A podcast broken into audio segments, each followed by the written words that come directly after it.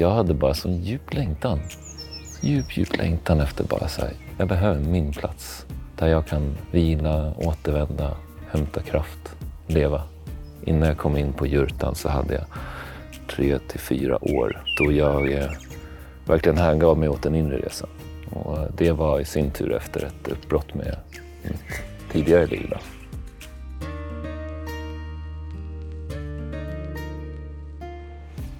Jag heter Josefin Turesson Kämpe. Och i den här podden får du följa med mig när jag letar rätt på visdomen som gömmer sig bland oss. Mitt mål är att gå till botten med de där djupare frågorna som vi alla innerst inne bär på. Vad är meningen med livet? Vad är roten till våra samhällsproblem? Hur aktiverar vi vår fulla potential? Och hur blir vi lyckliga? Det här är Visdomsjakten och jag hoppas att den här podden ska ge dig inspiration till att leva ett medvetet liv, växa som person och hitta din grej. Vi gör den här resan tillsammans för en visare värld.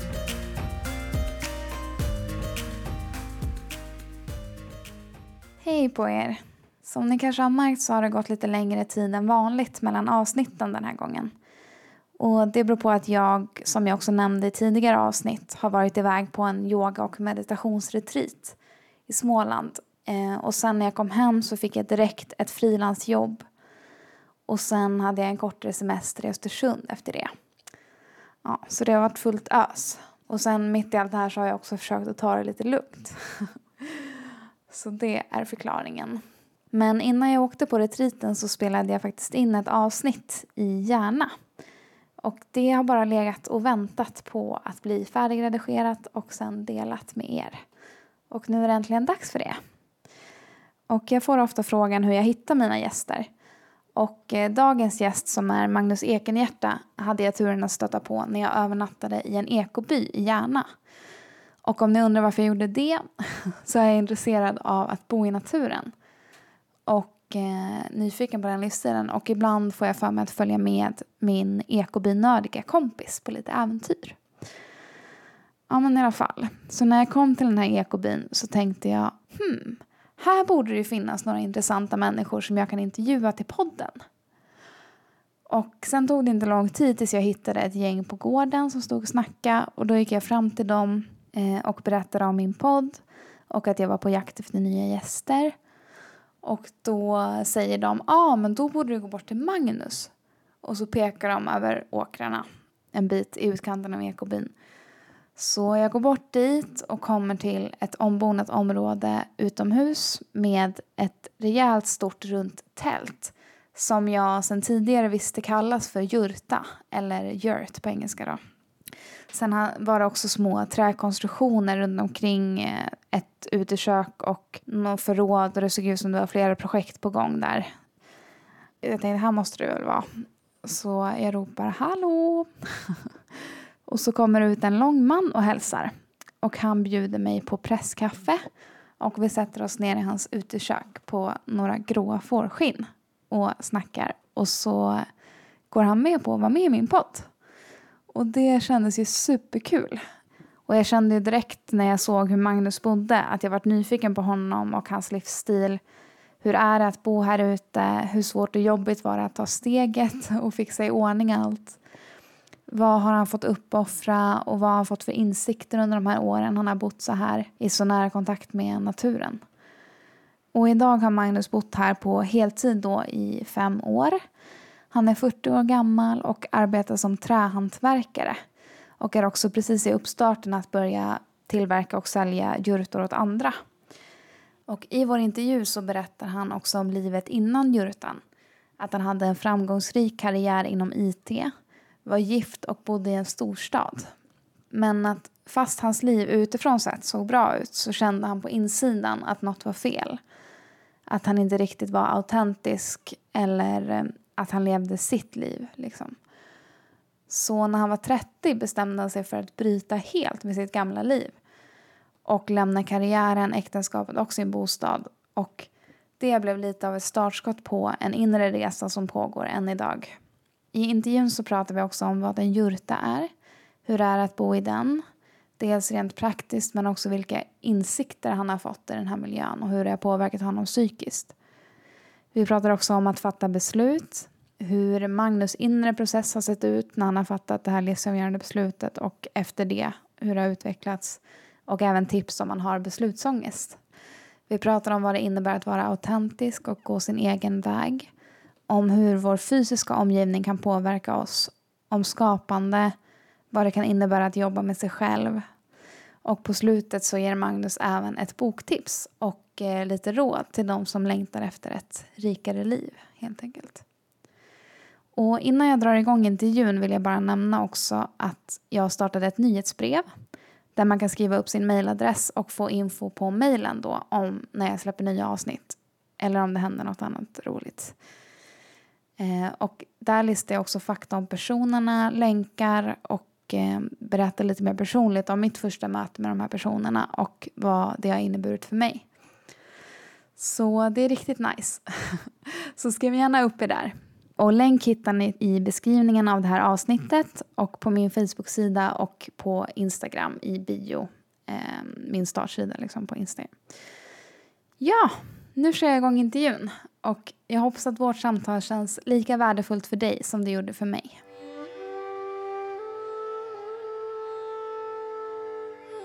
Nu sitter jag här hemma hos Magnus Ekenhjärta som bor här ute i naturen, i skogen tänkte jag säga. Men det här är lite mer naturåkrar och mm. fält och sånt. Och vi befinner oss alltså en liten bit ifrån hans hem, en yurt som du bor permanent i året mm. om. Ja. Och eh, det är ju strålande väder ikväll mm. och klockan är säkert över sju mm. någonting. Ja. ja. Hur känner du dig? Ja, wow. Man kan ju med rätta säga att många tider på året är de vackraste och de bästa tiderna på året. Men eh, den här är en sån här tid som är helt eh, okuvligt högt upp på den listan. Ja, det är något i den här vändningen liksom som kommer. Ja, Från, precis. Alltså, att det har varit kallt. Oh ja, och för mig så innebär det väldigt mycket med den här vändningen. Det förändrar min tillvaro ganska radikalt på många olika sätt. Ja. Så det är väldigt det ska vi gå in mer på. Just det. Och då först vill jag då säga varmt, varmt välkommen Josefin. Tack för att du vill komma hit och tack för att du vill vara med. Mm um, då tänkte jag bara börja med att du skulle få förklara vad en yurt är. Och är mm. det yurt eller jurta? Ja, jag, jag brukar köra med en svengelsk, äh, engelsk, nej svensk, äh, svensk variant. Engelska uh. säger vi jurt, kommer från turkiska. Men eh, jag tycker att vi gott kan säga jurta på mm. svenska. Mm. Mm. Med okay. J sådär. Och eh, för de som inte vet vad det är, ja. kan du berätta vad det är och kanske lite om hur du har byggt din jurta som mm. vi har här bakom oss? Ja men visst. Jurten är ju en, eh, ja till att börja med så är det ett tält. Men det är inte vilket tält som helst. Det här har kommit ur inre Asiens steppnomader. De har tagit en enklare form av tält, utvecklat den generationer bygger på generation och gör små förbättringar. Till sist så hade vi då vid, eh, ja men vid Djingis khan tid vet vi i alla fall, på 1200-talet så vet vi att då fanns de här strukturerna. Mm. Och de hade förmodligen funnits långt längre än så. Och vi vet att det fanns, för 40 000 år sedan så fanns det väldigt djurlika hyddor i, i Tysklands skogar. Va? Så det är någon sorts eh, mänsklig urboning Mm. Mm. Folk har bott i väldigt snarlika konstruktioner väldigt länge. Ah. Mm. mm. Men läste du på om det här liksom innan du började bygga din? Att du var intresserad av det? Eh, jag kan inte säga att jag började så. Nej, jag Nej. började med en, eh, en eh, uppenbarelse. Ah, okay. Ja, alltså sådär i verkliga livet, inte uh. från, från andliga. Eh, nej, men eh, jag bodde kollektivt eh, nära min hemstad Uppsala. Och eh, helt plötsligt, jag hade hört att det skulle vara något sånt på gång, men helt plötsligt stod det en jurta i vår trädgård. Och jag var bara så här, pff, gick in där och bara wow, det här är ju, det här är ju inte dumt alls. Alltså. Mm. Um, jag hade sett någon jurta innan, men aldrig riktigt fattat det. Men då var det som det bara slog ner. okay. ja. Jag sökte ju någonting. Jag sökte en plats att bo, eh, sökte någonting som var mitt eget, mitt hem. Och jag vill hemskt gärna göra det själv. Mm. Det som slog mig med jurtan, och jag kommer till vad det är. Sidospår. jag, jag börjar ofta här borta. Så, ja. Ja. Ja. Eh, Det som slog mig med jurtan är att eh, det är realistiskt genomförbart. Man behöver inte vara en snickarutbildad megabyggare. Det räcker med att man kan hålla i en kniv och i en pinne. Så Ganska enkelt att, Ja. att bygga. Ja. Ja. Och den jurta jag har då, då. Det är ett tält som består av en, man kan säga spaljer. Korslagda. Spalje. Mm, om man tänker sig det här eh, som man kan... Eh, tänker rosor som klättrar på väggar så brukar man förutsätta en sån här dragspels... Ah, Eh, pinnar som ligger liksom att det blir som vad heter det, rutor, ja, mönster. diamantmönster. Ah. Så kan man fälla ihop dem för de ligger liksom Ah, ihopsatta. Det är vad väggarna består av. Mm. Väldigt fiffig design för man kan bara drutt, dra ihop den så har man ett knippe pinnar. Mm. Men drar man ut den som ett dragspel va, så får man liksom en, en vägg och kopplar man ihop två, tre, fyra sådana så får man ett band som kanske är en och en halv meter, kanske 160-170 centimeter högt. Mm. Och så på det då så har man en rejäl dörr också med en bra ram. Mm. Och så på det så har man eh, takpinnar som går upp mot taket och de sitter då fästa ovanpå väggen eller liksom högst upp Okej. i grenklyckorna. Ja. Därifrån går då takpelare och så möts de med ett vackert härligt eh, solhjul där. Rund ring med ett eh, kors igenom brukar det vara. Mm. Och där är det också som ett fönster så det ser ut. Ja. Ja. Ja. Brukar du se stjärnorna då? ja då. Ja. Jag ligger, jag ligger och tittar om stjärnorna. I vintertid så kan jag ju ligga där och du vet, eh, jag har 28 nu grader varmt inomhus. Ah, på vintern? Ja, visst. visst. 30. Nice. Ja, det är skönt. Mm. Okej, ja men skitbra. Och den har ju du byggt helt själv då? Eh, Ja. Från grunden. Ja. Och sen är det som ett skynk, eh, vad heter det, tält Mm, runt då. Som en duk. precis. Köper man en sån eller ett Ja. tyg? Dukar är viktiga. Ja. Det gäller att man har bra grejer. Så det här med att använda bomull, kanske för all del om man ska ha ett tält uppe i två veckor eller sådär. Men eh, att ha det för året runt, det skulle jag inte rekommendera någon som jag bryr mig om. Mm. Nej, du vet, eh, det är väldigt blött om hösten och vintern. Så, Ah, så jag använder eh, akrylväv. Akryl är grejen alltså. ja, men det är bra. Hur länge har du bott här nu? Det här är, eh, ja, det är mitt femte år. Ja. Så fem vintrar, ja, nu fem vårar, femte sommaren. Konstant då liksom? Ja. Ja. Och ehm, det här är ju som på en ekoby liksom. Mm. Du är lite utanför. Ja. Har du liksom som ett community, eller är du här själv? Eller har du någon relation till de andra som bor här? ja, absolut. Alltså, den eh, sociala biten här är jätteviktig för mig. Jag är inte alls sådär eh, att jag vill, jag vill träffa mina vänner, gärna ofta. ja, men jag trivs bra med att bo själv. Ja, det gör jag. Så jag har helt mitt eget hushåll och det har vi egentligen här på gården. Så eh, jag är helt och hållet del av en, av en gård med eh, flertal hushåll och familjer och något kollektiv. Det funkar väldigt bra för mig. Och varför ville du flytta ut till en yurt? Ja, det var ju den här gamla eh, grejen att jag hade bara sån djup längtan. Djup, djup längtan efter bara så här, jag behöver min plats. Där jag kan vila, återvända, hämta kraft, leva. Hade det varit brist på det innan i ditt liv? Mm. Jag skulle säga att jag har levt. Det har jag. Men eh, jag hade en stor omvälvande tid åren innan dessa. Innan jag kom in på jurtan så hade jag ja, ungefär tre till fyra år då jag eh, verkligen hängav mig åt en inre resa. Mm. Och eh, det var i sin tur efter ett uppbrott med mitt tidigare liv. Då. Mina tjugisar. Så det var en helt annan tid. Jag är jättetacksam för den tiden. Men det jag lever nu är väldigt annorlunda. Ja. Och eh, den här inre resan, Mm. på vilket sätt genomgick du den? Alltså var det genom någon typ av meditation eller var det mer att du vände dig inåt? Mm.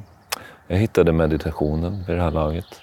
Och eh, jag har alltid ägnat mig åt eh, mycket transdansande. Och eh, utforskat medvetandet genom musiken, genom högre tillstånd och mediciner. Så eh, efter mitt uppbrott så att säga med eh, mitt gamla liv. Jag lämnade jobb och äktenskap och eh, storstaden. Så var det som att när jag bröt de här kedjorna, då började svaren komma. Okej. Då började tecknen komma.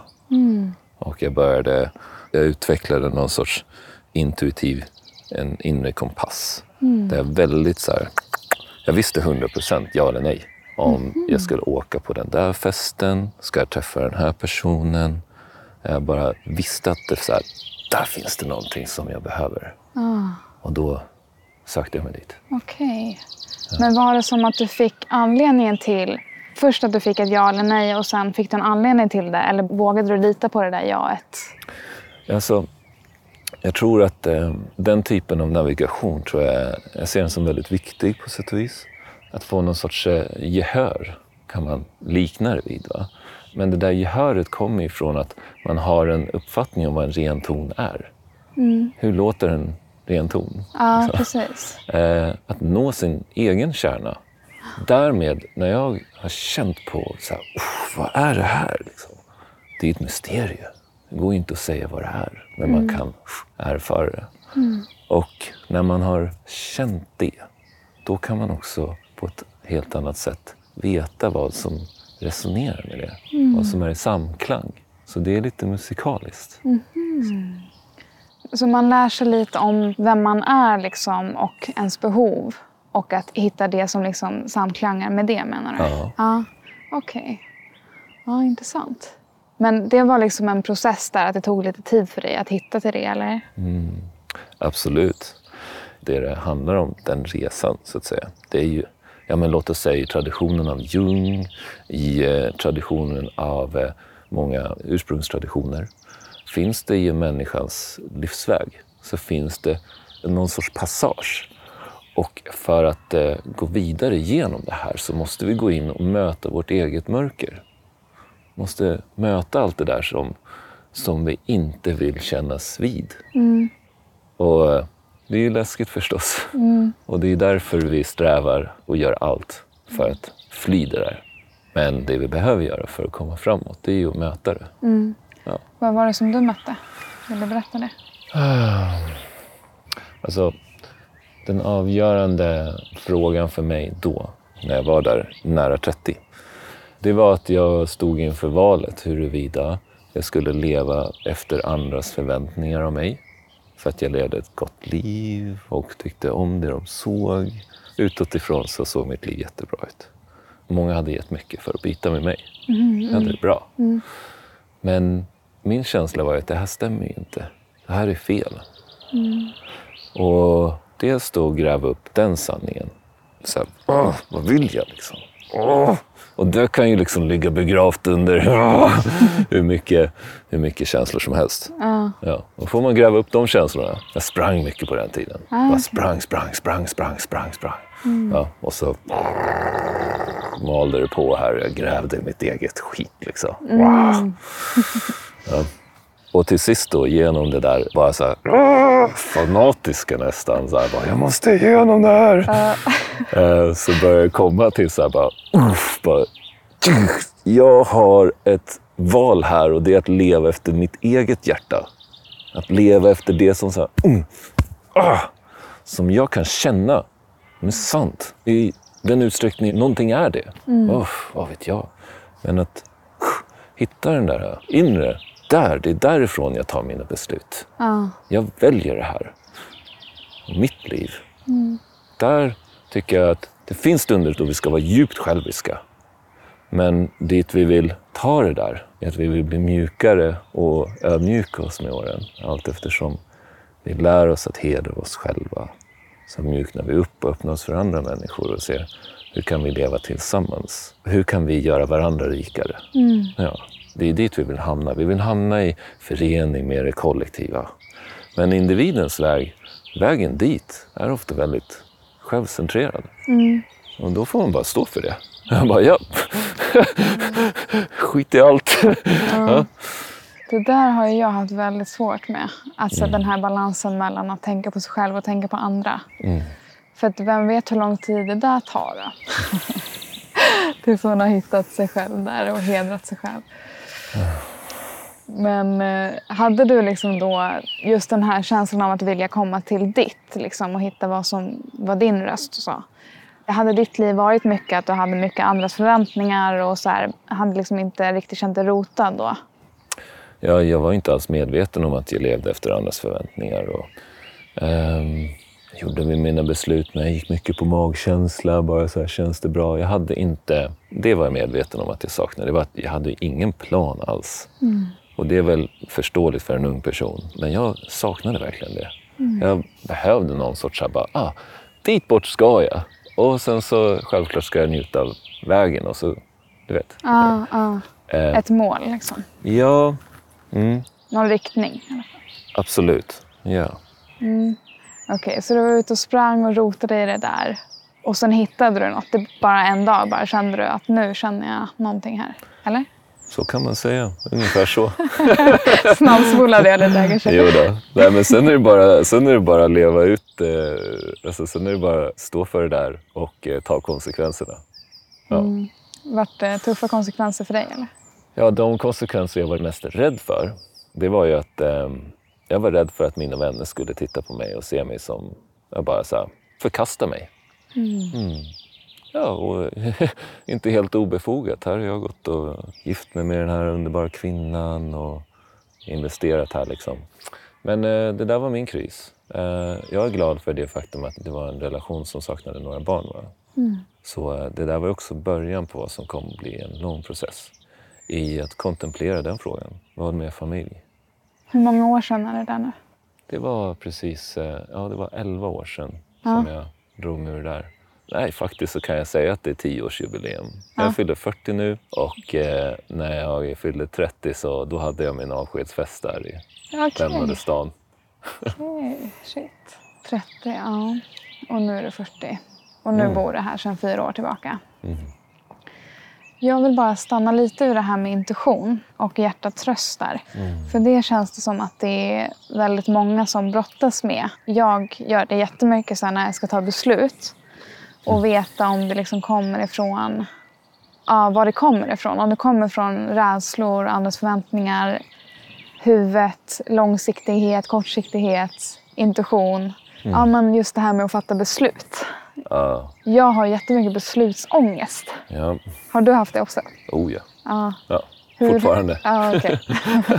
Fan, jag trodde jag skulle få alla mina svar här. Eh, Men eh, du har fått lite mindre beslutsångest kanske, eller? Ja.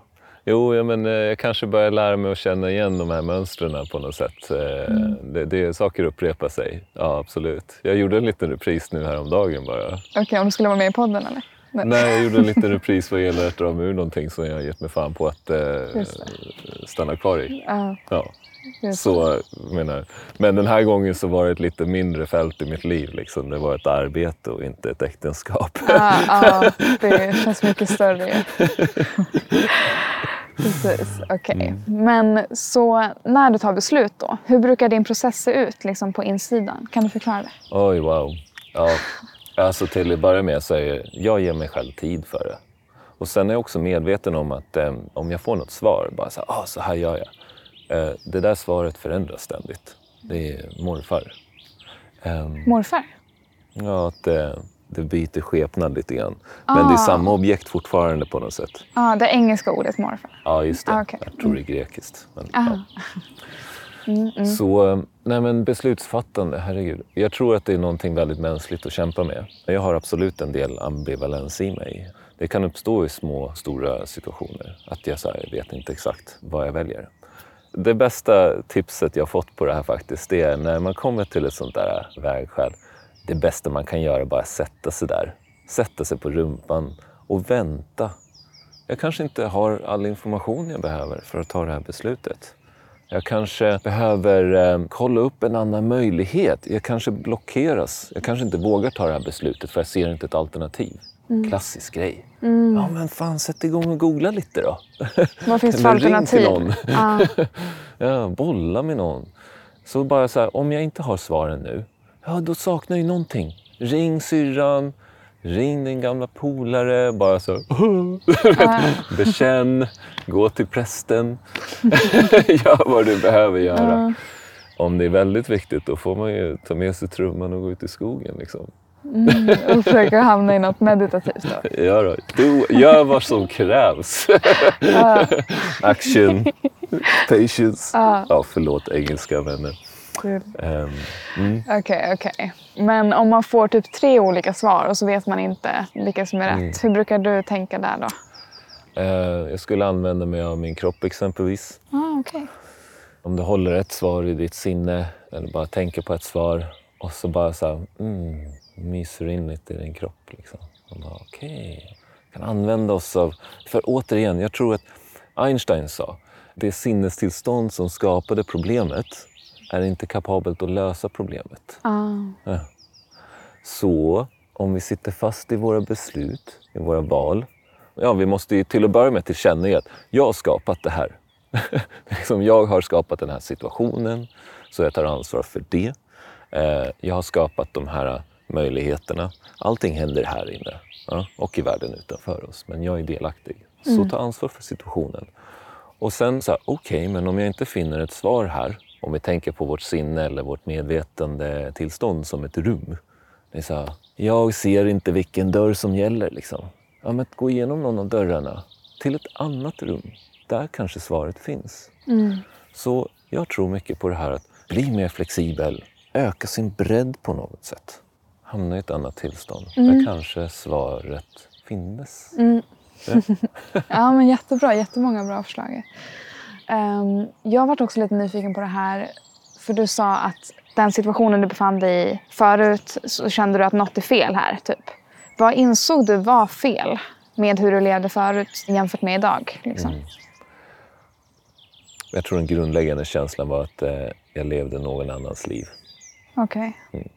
Det fanns eh, en avsaknad av autenticitet. Ah. Alltså, eh, det var inte förankrat i mitt...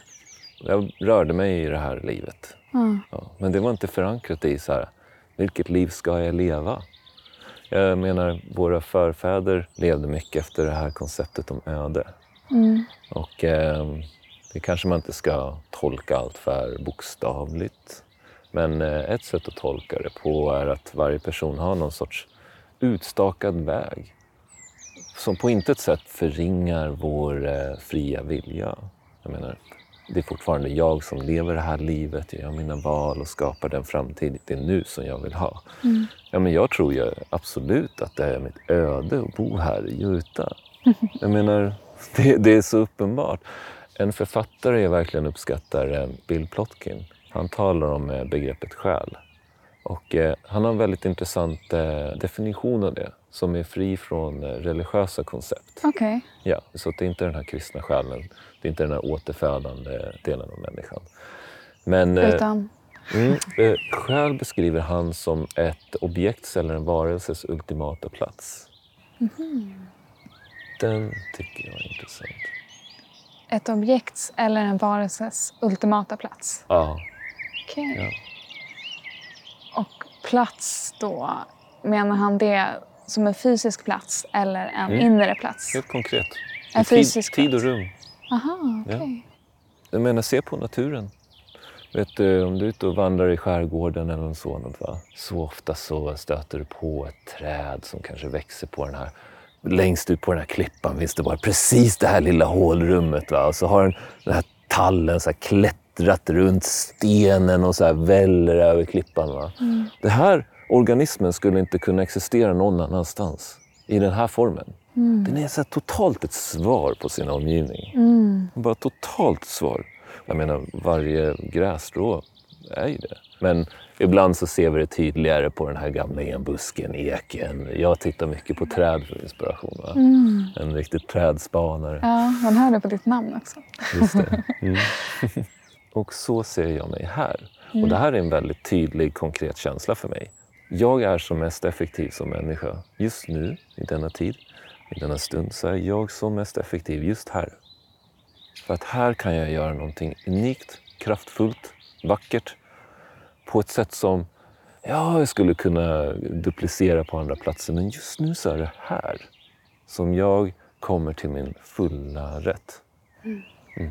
Jag och den här platsen är helt synonyma sedan de här fyra åren. Så ehm, för mig så är det att leva i symbios och eh, i relation med min närmiljö. Jag älskar det. Och det gör att jag känner mig förankrad i mig själv. Platsen liksom bekräftar det. Det där är intressant för jag har alltid försökt tänka så här att jag har varit lite hård mot mig själv. Att, som nu, jag bor på en plats nu där jag inte helt trivs men så blir jag så här, ja men det är för att jag inte är tillräckligt utvecklad typ, för att kunna trivas var som helst. så att det där kommer jag ifrån lite grann. Men eh, det finns ju en yttre och en inre värld. Mm. Man behöver liksom inte bara förkasta hela den yttre världen. Den, den är ju så vacker och den är så komplex. Liksom. Ja, jag tycker det var ett intressant sätt att se på det. Men tog det liksom tid för dig innan du kände att du var i symbios? Eller kände du när du liksom gick förbi här att det här är rätt? Typ?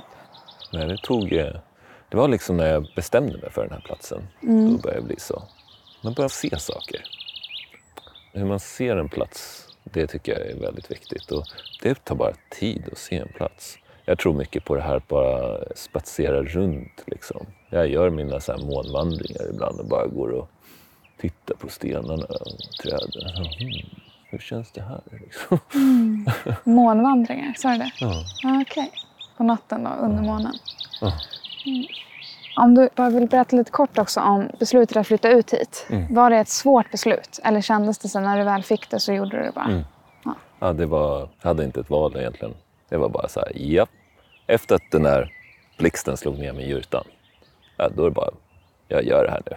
Jag tog en natt och funderade på det. Jag visste redan på kvällen och sen morgonen efter bara, mhm, fortfarande 100 procent, tusen. Ja, okej. Så det var ett enkelt val med andra ord? jag har inte kollat tillbaka sedan dess. Nej. Okej, men då tänkte jag att vi skulle prata lite om hur det är att leva här. Hur har ditt liv förändrats och din vardag? Liksom, hur ser dina dagar ut? Nu var det tre frågor känner jag. Men, Ja. men eh, ja, vad är skillnaden? Liksom? Hur lever du här? Ja, men till att börja med så är det ju väldigt mycket mer praktiskt. Jag har ju bott i alla möjliga. Jag har bott i lägenheter, hus, mindre hus och torp och ja, allt möjligt. Och det är alltid ett visst arbete att ta hand om ett hushåll. Soporna ska ut och golvet ska dammsugas och sängen ska bäddas. Eh, Jag har ju det där gånger hundra ungefär. Va? Okej, jag, jag tänkte ah, skönt, så slipper du det. Så bara, ja, just det. Jo då, jag städar mitt hem dagligen. Okej. Ja. Eh, och utöver det så, eh, ja men mitt hem är ju väldigt levande och det tycker jag är så himla härligt. Alltså jag älskar ju att gå och hämta vatten och bära hem det så här. Och eh, hämta mina batterier på laddning borta vid gården. Så eh, rent så praktiskt så har jag ju inte elektricitet eller rinnande vatten här. Nej. Varken rinnande elektricitet eller vatten så att säga. Jag började ju mer primitivt och med åren har, varje år har det blivit lite mer bättre, mer effektivt, sofistikerat. Ja. Men eh, jag tycker att det funkar jättebra. Det är eh, verkligen inte någonting som stör. Jag har mina små rutiner, ganska många av dem. Ja, till exempel. Ja, men se till att fylla på med ved och stickor vintertid och Stickor. ja, alltid att se till att ha bra tändvirke. Ja. Ah, Ja. Mindre alltså flisor och trä. Absolut. Det är en sån där sak som bara gör djurlivet väldigt mycket mer bekvämt. Det ska ju vara så ganska smooth operation, ganska strömlinjeformad process att göra upp en eld exempelvis. Ja, jag sitter inte och så här rullar, liksom, glöder eld med pinnar. Liksom, utan, eh, för mig så är det alltid viktigt att ha system för saker och ting. Mm.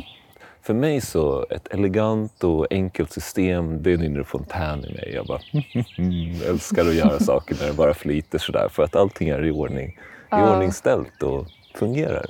Så mycket av min eh, kreativitet här går ut på att hitta de här små eleganta lösningarna på allting. Där är mitt hem väldigt mycket ett svar på det och hela min omgivning här. Du har hittat lite smarta lösningar på allt möjligt. Mhm. Ja. Okej, så du har ingen rinnande vatten, ingen elektricitet och du har någon, en kamin då i din yurt som Mm. du eldar upp. Ja, visst. Och är det liksom mycket arbete? Du pratar lite om det, att du städar mycket. Men Mm. hur ser en vanlig dag ut för dig om vi säger så? Då? Ja, till att börja med så kan jag säga att de varierar väldigt mycket efter årstid. Och det är därför när du frågade mig nu i början hur jag känner mig så är det här är ju verkligen starten på en underbar tid. För att jag har väldigt mycket fritid med mig nu. Och det är av den enkla anledningen att eh, jag har inte tänt min kamin här nu på två dagar. Det är varmt och gosigt när jag återvänder om eftermiddagen. Och Och det gör att hela den där vedprocessen som annars är en självklar del av min vardag hela vinterhalvåret, från mitten av september till slutet av april så är ju det bara en självklar del av min vardag. Att jag ger upp eld det första jag gör på morgonen när jag vaknar. Jag får ofta den här frågan, har du liksom en eld igång jämt? Och det är så här, nej herregud, det här är jättelätt och det är tält. Mm. Så jag har elden igång när jag önskar. Om jag är ute och arbetar, vilket jag gör. Jag är extremt mycket ute så här års. Mm. Går in och byter kläder och hämtar lite saker och sådär. eh, nej, men då är jag ute så länge det är skönt. Mm. Men vad brukar du göra när du är ute då? Jag har ju hundra roliga projekt liksom. Okej, du håller på med lite snickerier vet jag. Ja. Kan du Ja. berätta vad du gör? Mycket i trä. Det är ju mitt material helt enkelt. Det kan vara allt från så att bygga robusta plywoodlådor att eh, förvara saker i på ett bra sätt. Det kan vara att eh, bygga möbler till mitt hem som ju då behöver vara specialbyggda för att det är ett litet runt utrymme. Man kan inte fylla upp det med massa stora IKEA-möbler. Mm. Jag skulle inte önska det heller. Nej. Så bygger jag på mitt, ja, som exempel mitt utekök, är ju lite mitt så här, kontinuerliga projekt. Mm. Eh, startade det med min polare eh, Peter Tallberg, en riktig Okej. höjdare. Riktig, Okej. riktig höjdare. Ehm, vi satte igång och bygga det där tältet eh, den första vårvintern, februari. Efter att vi satte upp jurtan i slutet av december. Ah, shit, okej. Det var lite vansinnesprojekt, men vi rodde i landet. Ah, Tack vare shit. min vän. Ja, det hade varit svårt ensam. Du hade hjälp av din vän att bygga själva hjortan eller? resa den och liksom få upp lägret Ah, ah. så att allting var på plats och kaminen installerad och golvet byggt. Och, Ja. ja. Okej, men då började ni bygga utköket här då sen, kort därefter? ja, men precis. Och det har jag fortsatt på. Ja, jag, så... jag såg att det hade hänt lite för jag var ju här och hälsade på och raggade upp som poddkund här. Mm. Ja, Eller det. kund? Poddgäst. Just det. Eh, för typ ett år sedan är det nu. Men var det inte i somras? Ja, just det. Det är ju Ja, snart ett år Ja, sedan. det är snart ett år sedan. Ja, visst. Och jag såg att det hade blivit förändringar där. Ja. Att du hade byggt någon vägg som inte var där förut. Ja. Ja, det är jätteroligt. Det är så roligt. Jag älskar det. Det där är lite min favorit. Sådär. Mm. Så här, alltså, jag gillar ju att bygga, men jag är inte sådär... Jag är varken tränad eller intresserad av det där konventionella snickeriet så mycket. Jag gillar att snickra, men det som eh, jag verkligen tycker om det är när jag har så här stora härliga träbitar och något så här härligt material och så kan jag så här hyvla upp det så att det blir mjukt och runt och skönt och så kör jag bara hela vägen med sandpapper på det och så oljar jag in det och bara så här det är lite av min favorit faktiskt. Den här karaktären i träet och använda det praktiskt, vardagligt. Varför tror du att du gillar trä så mycket? Ah, wow, alltså alltså. Jag tror att mina händer sökte efter någonting att skapa i. Alltså, jag känner inte till det här om mig själv under min ungdomstid, under min skoltid. För att eh, de få timmar jag hade i träslöjdsalen var inte tillräckligt för att eh, jag förstod inte vilken kreativ skapare jag var. Jag tror att trä var på många sätt det material som talade till mig. Bara rent praktiskt med hur jag lever här ute. Trä är så otroligt användbart. Jag använder mycket av de här, här unga granar och tallar. Ja, Ta ner dem, skala dem. Mycket hellre än att köpa regler på byggmarknaden. va? Mm, Men du har ditt utekök då. Är det några andra projekt du har igång? Ja, nu står jag inför det här att eh, sommaren börjar nu och eh, det här är egentligen den tid då jag kan vara yrkesverksam så att säga. Mycket av det jag gör är för min egen njutning och skull sådär och för att kunna bjuda vänner och, och så, att jag bygger den här platsen. Men det jag vill göra rent så här yrkesmässigt är att bygga jurtor. Ah, okej. Och eh, det var alltid planen. Jag tänkte när jag kom hit att jag, bara, ah, men jag sätter upp jurtan, etablerar ett läger och sen så på första året eller andra året. Jag tänkte nog att jag mer eller mindre med direkten skulle sätta igång och löpande producera jurtor. Och nu fyra år senare så bara, jag tror det är dags nu. Ah, Okej, det, tog, ja, det tog Mm. lite tid men så kan det ju vara. Mycket annat på gång Aha. har ju du haft. Ja. Men okej, men om jag skulle vilja bo i en jurta någon gång i framtiden kanske man kan kontakta dig då? Det kan man göra. Ja, Ja. coolt. Bra att veta. Okej, så lagar du mat i ditt utekök? Mhm. Eller? Ja, Sommartid. okej. Från mitt perspektiv som djurtbo så skulle man kunna säga att det är egentligen bara två årstider i det här landet. Gud vad gulligt det lät med djurtbo. Ja, absolut. Ja, sa du? Det är bara två års... Ja, det är den blöta och kalla säsongen och så är det den eh, torra varma. Ja, fast helt så enkelt är det ju inte. Men eh, det är verkligen väldigt tydligt uppdelat där och det är ganska hälften hälften verkligen. Från oktober fram tills eh, dess att april är över så är det egentligen för kallt för att sitta här ute på marken. Visst en solig dag i mars och jag är alltid ute när det är torrt och då har jag bara lite fler filtar på mig. Va? Men eh, jag använder inte mitt utekök alls. Från oktober till april så använder inte jag det. Då gör jag all min matlagning där inne. Där inne? Okej. Absolut. Det är ju en vedkamin eftersom jag ändå har den igång. Framförallt vintertid. Ja. Den är ju igång när jag vistar här. Den är varm.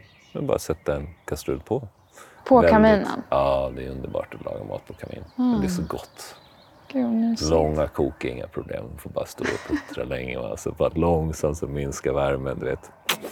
Ja, det är väldigt bra för grytor och annat. Och om jag är lite mer att jag vill steka med en omelett, ja då sätter jag inte igång. Det är därför det är så praktiskt och bra för mig med utekök. För en sån här gång jag är ute och njuter av min dag, försöker att vara produktiv, kreativ. Det är ingen poäng med att gå och tända en eld och göra mitt hem varmare än vad det redan är för att steka upp några ägg. Utan då har jag min gasspis där. Okej. Så uteköket är verkligen det är livskvalitet för mig. Det är underbart. Jag tycker alla svenskar skulle ha ett utekök. För att faktum är att halva året i alla fall.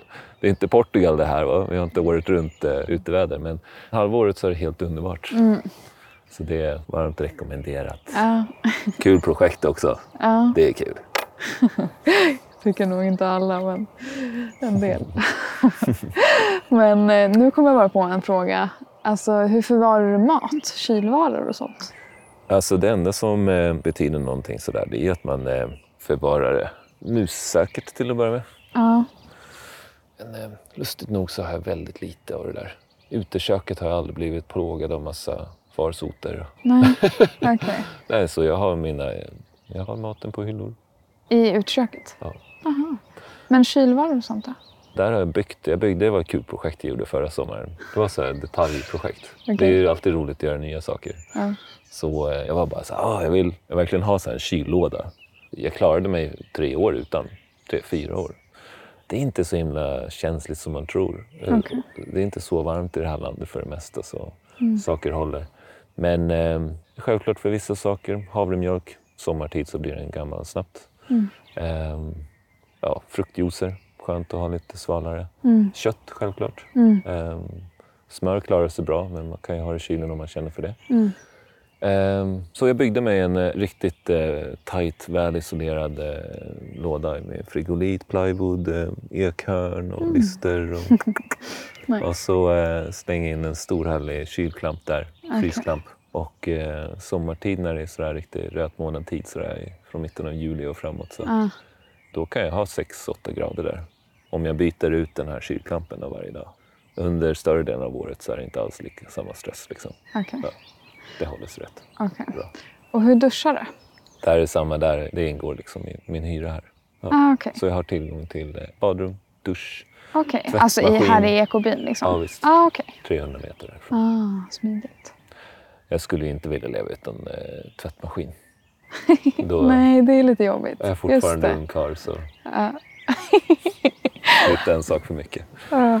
Nej, så eh, jag välkomnar bekvämligheter. Jag har inte alls eh, sådär asketiskt lagd av mig. Jag Nej. gillar när det är skönt och bekvämt. Jag bara vill att arbeta för också. Vad sa du bara? Villig att arbeta Ah, för. ah, ah, just det. Jag tänkte att vi skulle gå in på, det var ju en väldigt viktig fråga för mig, det här med hur ditt liv har, det har vi pratat om nu, men liksom på insidan vad som har hänt Mm. och vad du har fått för insikter. För jag tänker det blir ju mycket tystare, det blir mer alltså tid, även fast du har mycket att göra så Mm. det känns ju som att det frigör tid och att just att man är på samma plats så att man kanske får lite mer stillhet och perspektiv så. Oh, ja. Kan du berätta lite om det? Ja, jag tror det främsta som jag har lärt mig här genom att leva på det här sättet, det är vikten av att vara deltagande i sitt eget liv på något sätt. Jag tar en väldigt hög grad av deltagande i mitt liv. Nästan allt jag har runt mig har mina händer varit med och påverkat. Så att det är inte så att jag köper in mig i någon färdig struktur som man gör när man hyr en lägenhet eller så. Det är inte du som är arkitekten, någon annan har gjort det, någon annan har byggt det. Ehm, personligen tycker jag det är väldigt skönt att, att ha format det med mina händer och mina tankar och drömmar. på så vis här blir det som att jag... Du vet, när jag vaknar om morgonen så tittar jag upp genom det här solkorset och ser den här björken och liksom vet var jag är någonstans. Och jag tror att alla människor fungerar så på något sätt. Jag tror att vi är vår miljö och omgivning mer än vad vi ofta tillkännager. Mm. Mm. Och eh, på så vis så är det ju lättare för mig att bejaka mitt inre av det som händer där och liksom vara trogen det. För mig i alla fall. Alla finner sitt sätt. Men för mig så är det lättare att göra det i en sån här miljö, på en sån här plats. Blir alltid påmind om att så här, ah, det är så enkelt att naturen är medicin. Mm.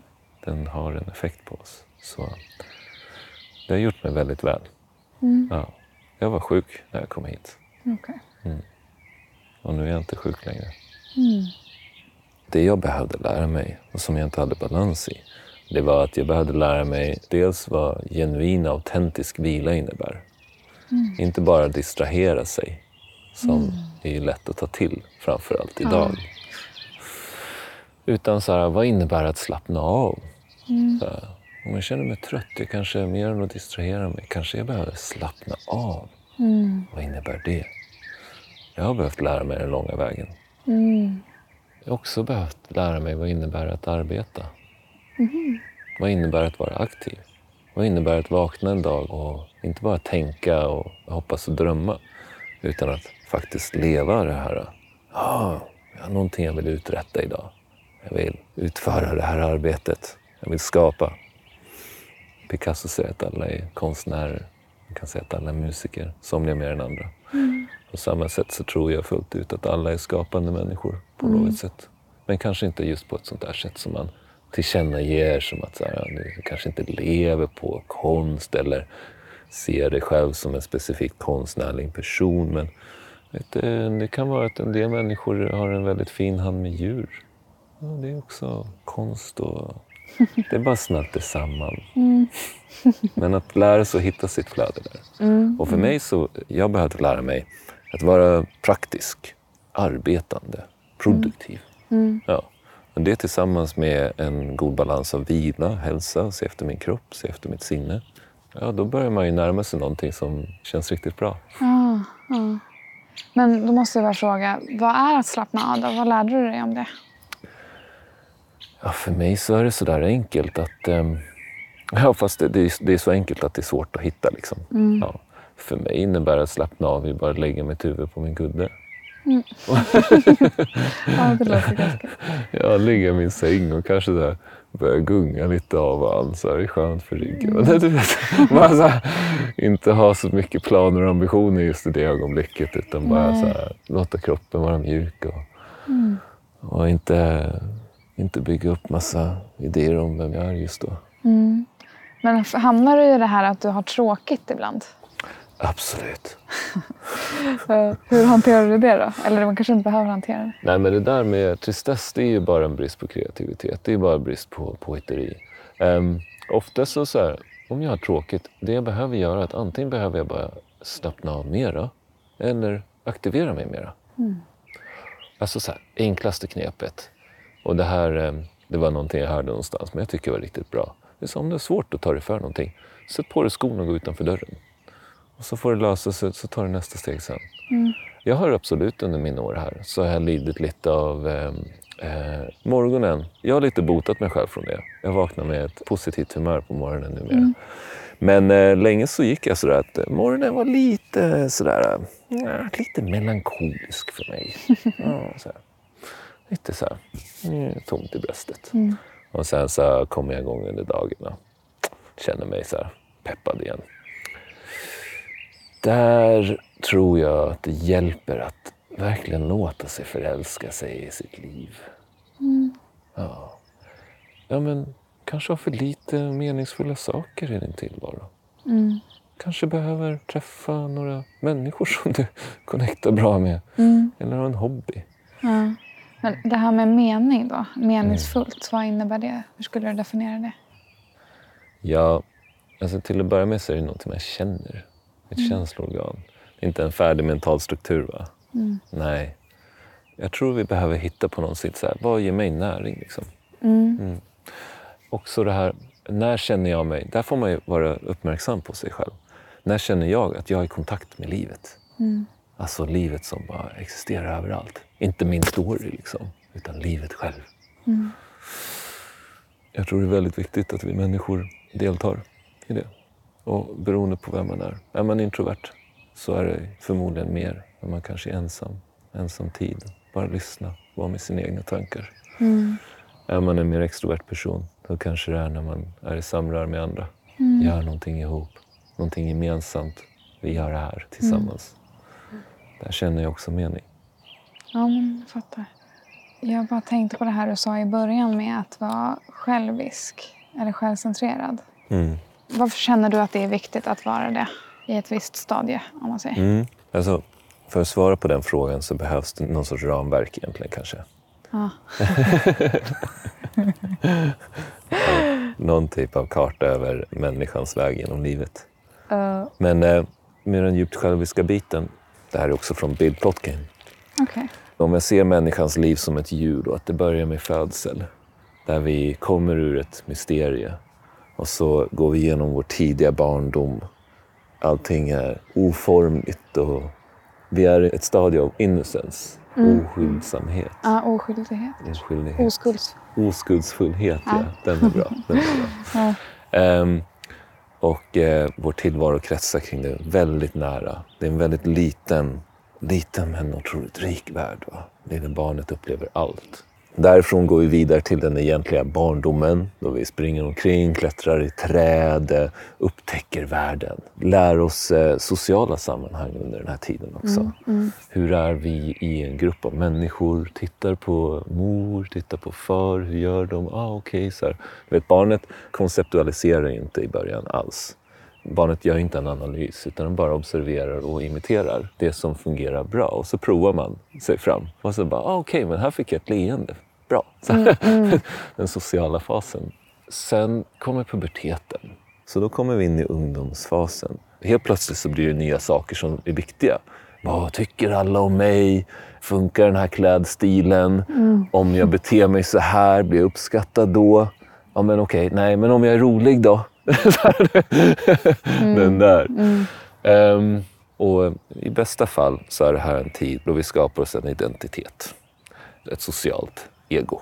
Jag bara, Okej, ja men det här funkar bra. Och det är det här sociala egot behöver bestå av.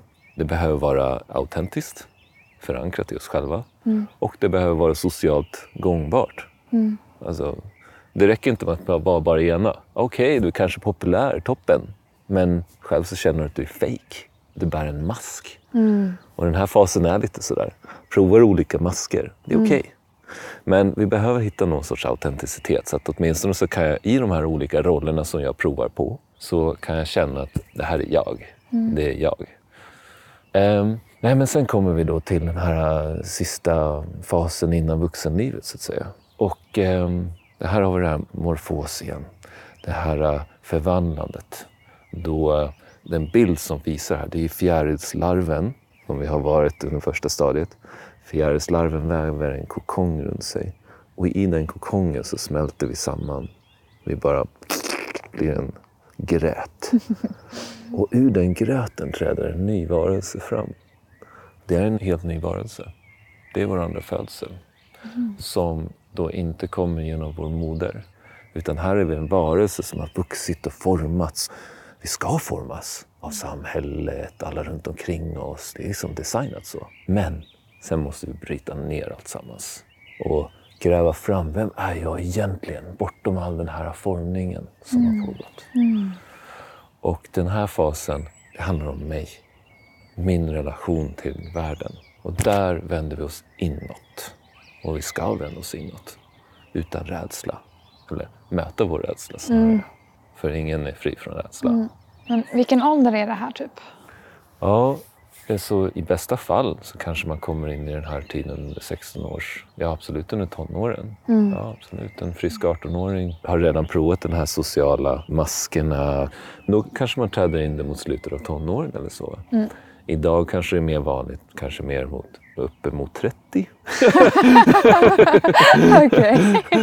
börjar, Ja, börjar somliga av det. oss tänka över oss själva lite grann. ja, precis. Någonting börjar växa, någon sorts känsla börjar växa där och man bara oj oj oj.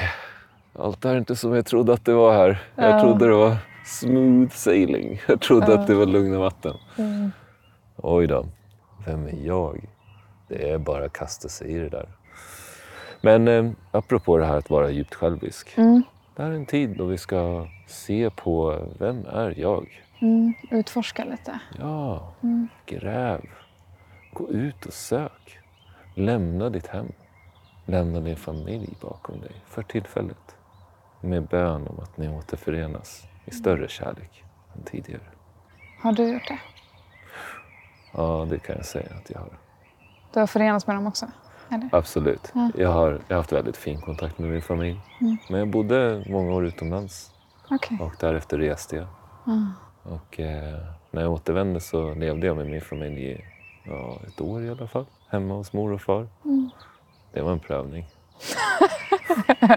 Ja, jag. Men jag är glad för det. Ja. Och idag så är vår relation mycket bättre tack vare det.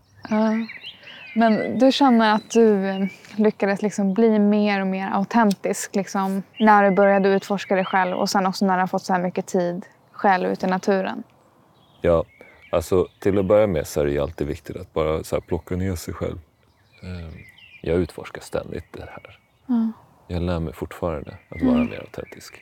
Jag lär mig fortfarande om så här, oh, slant lite grann i någon relation där. Varför blev jag så sur eller besviken på den här personen? Ah, shit, jag kanske inte hade helt uttryckt vad mina behov var här egentligen. Eller varför blev det så? Så det är ju en ständig tillblivelseprocess. Men jag tror att vägen börjar där i stor utsträckning. Man kan leva sitt liv utan att gå igenom den här fasen. Många gör det. Men risken som jag ser är att vi kanske slutar på en plats då vi känner att vi inte har så mycket att bidra med egentligen. Det är någonting väldigt tragiskt i det på något sätt. Och där kommer vi till det här att vi i vårt samhälle, i vår kultur, att vi saknar våra äldre. Eller elders, de här visa äldre personerna som har gått vägen framför och lyser upp i mörkret. Mm. Det är det mest värdefulla som finns, att lyssna på en äldre. Det är viktigt att vi talar med varandra över generationerna och åt båda hållen. Att vi lyssnar på varandra. Mm. För oavsett vad man är i sitt liv så eh, finns det alltid någonting väldigt viktigt att bidra med där. Även under den här så att säga, själviska fasen. Det själviska är inte rätta ordet utan det, det finns en punkt i ditt medveten som alltid vänder inåt. Mm. Den typen av meditation egentligen. Att vara väldigt uppmärksam på sig själv ständigt. Och det finns ju många sätt att eh, gå igenom det här. Jag kan rekommendera böcker också. Bill Plotkins är verkligen en författare jag vill rekommendera för dina lyssnare. Mm. Bill Eh, Bill Plotkins. Plotkins. Mm. Hans bok Soulcraft ger väldigt många metoder och tekniker för att göra den här underjordsresan. Ah.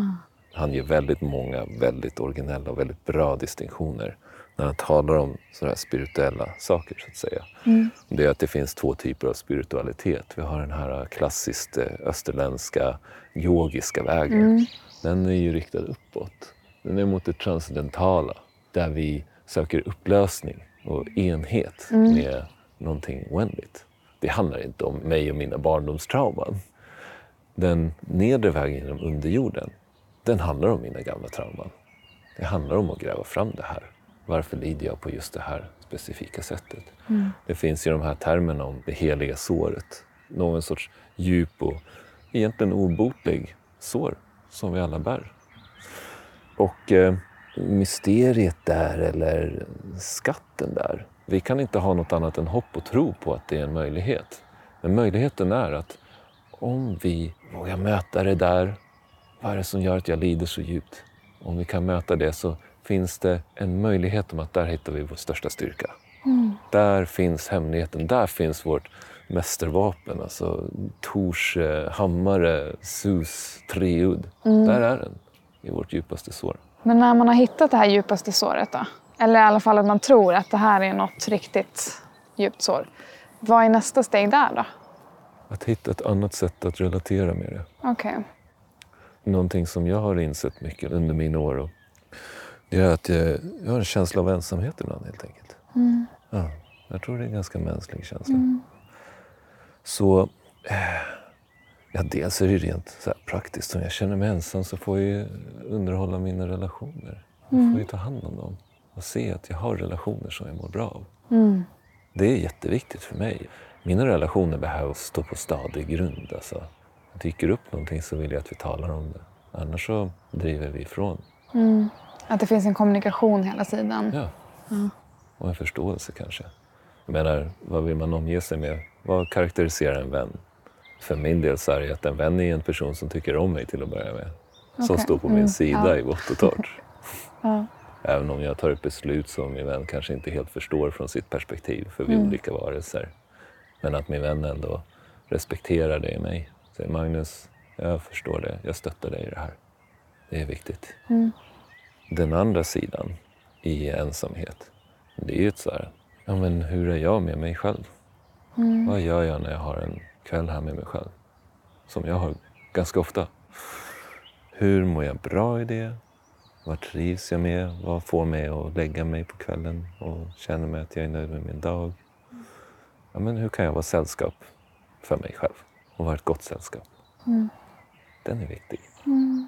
Och där också lite hur du pratar till dig själv också, eller? Ja. Sättet du är dig själv sällskap. Jag tror jag verkligen fattar vad du menar. För att jag känner det där mycket att så här, gud vad hård jag var mot mig själv nu i huvudet. Så här. Och jag ligger typ ibland och har ångest över så här små grejer. Men att det är jag som skapar den där ångesten. Så här, att, ah, att det vore så skönt att liksom ha ett tillstånd där man är i en hög energi och så här, mår bra. Ja. Och jag kan se på så många andra som jag känner att man hela tiden vill omge sig med folk och distraktioner och jobb och så här. För att det är jobbigt att vara med sig själv för man har inte ägnat liksom en minut åt den där relationen till sig själv. Nej men exakt va. Ofta de bästa tipsen tycker jag är de allra enklaste och självklara på något sätt. Det är så här, bädda din säng fint på morgonen och gör god mat till dig själv. En bra start liksom. Men gud, jag undrar om jag är lite så här... Jag är nog lite antifysisk värld. Att jag tänker så här att ja, men det behöver inte betyda någonting. Liksom. Ah, just det. Men, men det kanske kan vara liksom ett sätt, även fast det inte måste betyda att man behandlar sig själv dåligt, att man inte bäddar sängen. Så Ja, just det. nu spånar jag lite. Nej, men den är jättebra. Jag tycker det materiella, hur det är jätteintressant. Ja. Min lösning har ju varit att gå all in. Att verkligen bara hänge mig till det materiella. För att för mig så finns det en direkt koppling till det inre genom det yttre. Och där har jag det så väldigt enkelt att jag har bara kommit att se att jag trivs väldigt bra med att ha vackra föremål runt omkring mig. Jag tycker inte om att ha någon ful eh, om jag- Om jag köper ett paket müsli på Konsum så häller jag upp det i en glasburk när jag kommer hem. Ja, Det är mycket trevligare så. ja precis. Liksom.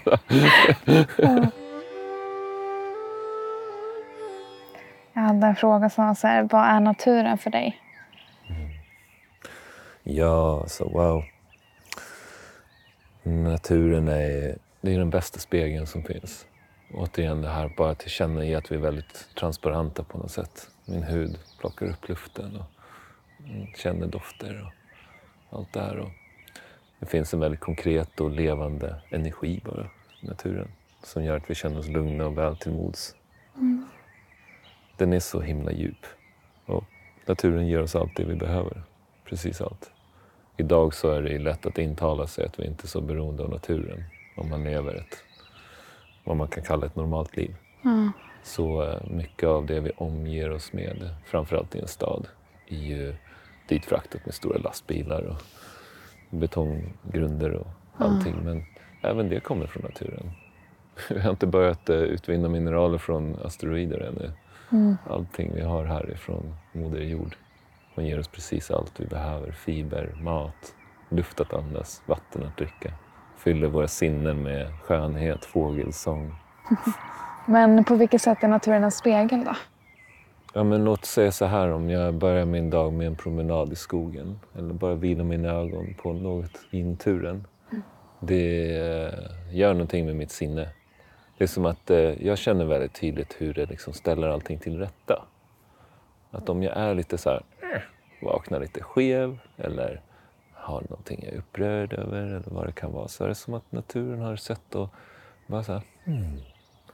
Jag liknar det vid att så här, dra en kam genom håret. Den där känslan av att så här, hmm. Mm. Det ställs till rätta nu. Naturen lider inte av massa vanföreställningar. Den bara är. Och eh, ju mer vi kan vara som naturen, desto närmare är vi det vi kan kalla lycka, tror jag. Det var fint. Jättefint. Okej. Jag tänkte att du skulle få, eller att vi skulle avsluta om du har några tips till mina lyssnare Ja, som vill eh, bli lyckliga helt enkelt och må bättre. Ha mer Ja. mening kanske i sina liv. Vill du beskriva lite mer? Eh, vill du säga, eh, beskriva en imaginär eller en verklig person som kan lyssna? Ja, men säg att det är en liten yngre person, alltså ungdom, kanske 20-årsåldern eller 30, som ja, men känner det här kanske som du kände också, att något är fel. Jag känner mig inte äkta, jag känner mig inte förankrad i mig själv. Ja, Jag bara går som på autopilot här, mitt liv, mitt jobb. ja, Och jag tycker också att det är lite jobbigt om jag skulle säga upp mig från mitt jobb. Liksom. mm, ja. Fast jag gillar att vara i naturen jättemycket. Säg en sån person. Jättebra, tack. Ja. Alltså, där eh, tror jag att eh, man får göra en liten eh, verklighetskoll ibland och eh, fråga sig om jag befinner mig i en situation så som jag nu gjorde mitt arbete exempelvis. Men det kan vara arbete, skola, social miljö, bostadsmiljö, vad som helst. Hela din livssituation. Och så går du där och känner dig skev. Liksom. Och är så här, "Åh, det är någon så här underliggande stress som hela tiden är där eller återkommande migräner eller perioder av depression. Vad som helst. Perioder av självdestruktivt beteende. Vi gör allt möjligt. När vi är i fel plats, fel tid, fel sammanhang. Kanske är det så enkelt att det inte är dig det är fel på. Du kanske bara är på helt fel sammanhang. Att dina unika gåvor och den du är och det du kan bidra med inte kommer ut. Du kanske är en väldigt empatisk person. Ingen vill veta av det. Då känner man sig inte värdesatt eller värdefull. Ehm, det är inte lätt att se klart i det här. Man behöver verkligen sätta sig och titta ordentligt. Och där, använd naturen. Sätt dig och glo. Eh, och tänk, finns det något annat? Och här är det viktigt att ehm, inte låta sig begränsas av det faktum att man inte kan fantisera fram något bättre. Det är så lätt att tänka att så här, ja, men om jag inte hade det här jobbet eller den här lägenheten eller det här gänget. Ja, då skulle jag vara helt utlämnad och värdelös. Och det skulle bara spolas ner i avloppet hela mitt liv. Nej, skärp dig. Så är det ju inte. Nej. Nej, det kommer gå bra. Det kommer lösa sig. Och tillförsikt för sig själv. Lita på att du har vad som krävs. Att du är redo. Att eh, du klarar dig faktiskt.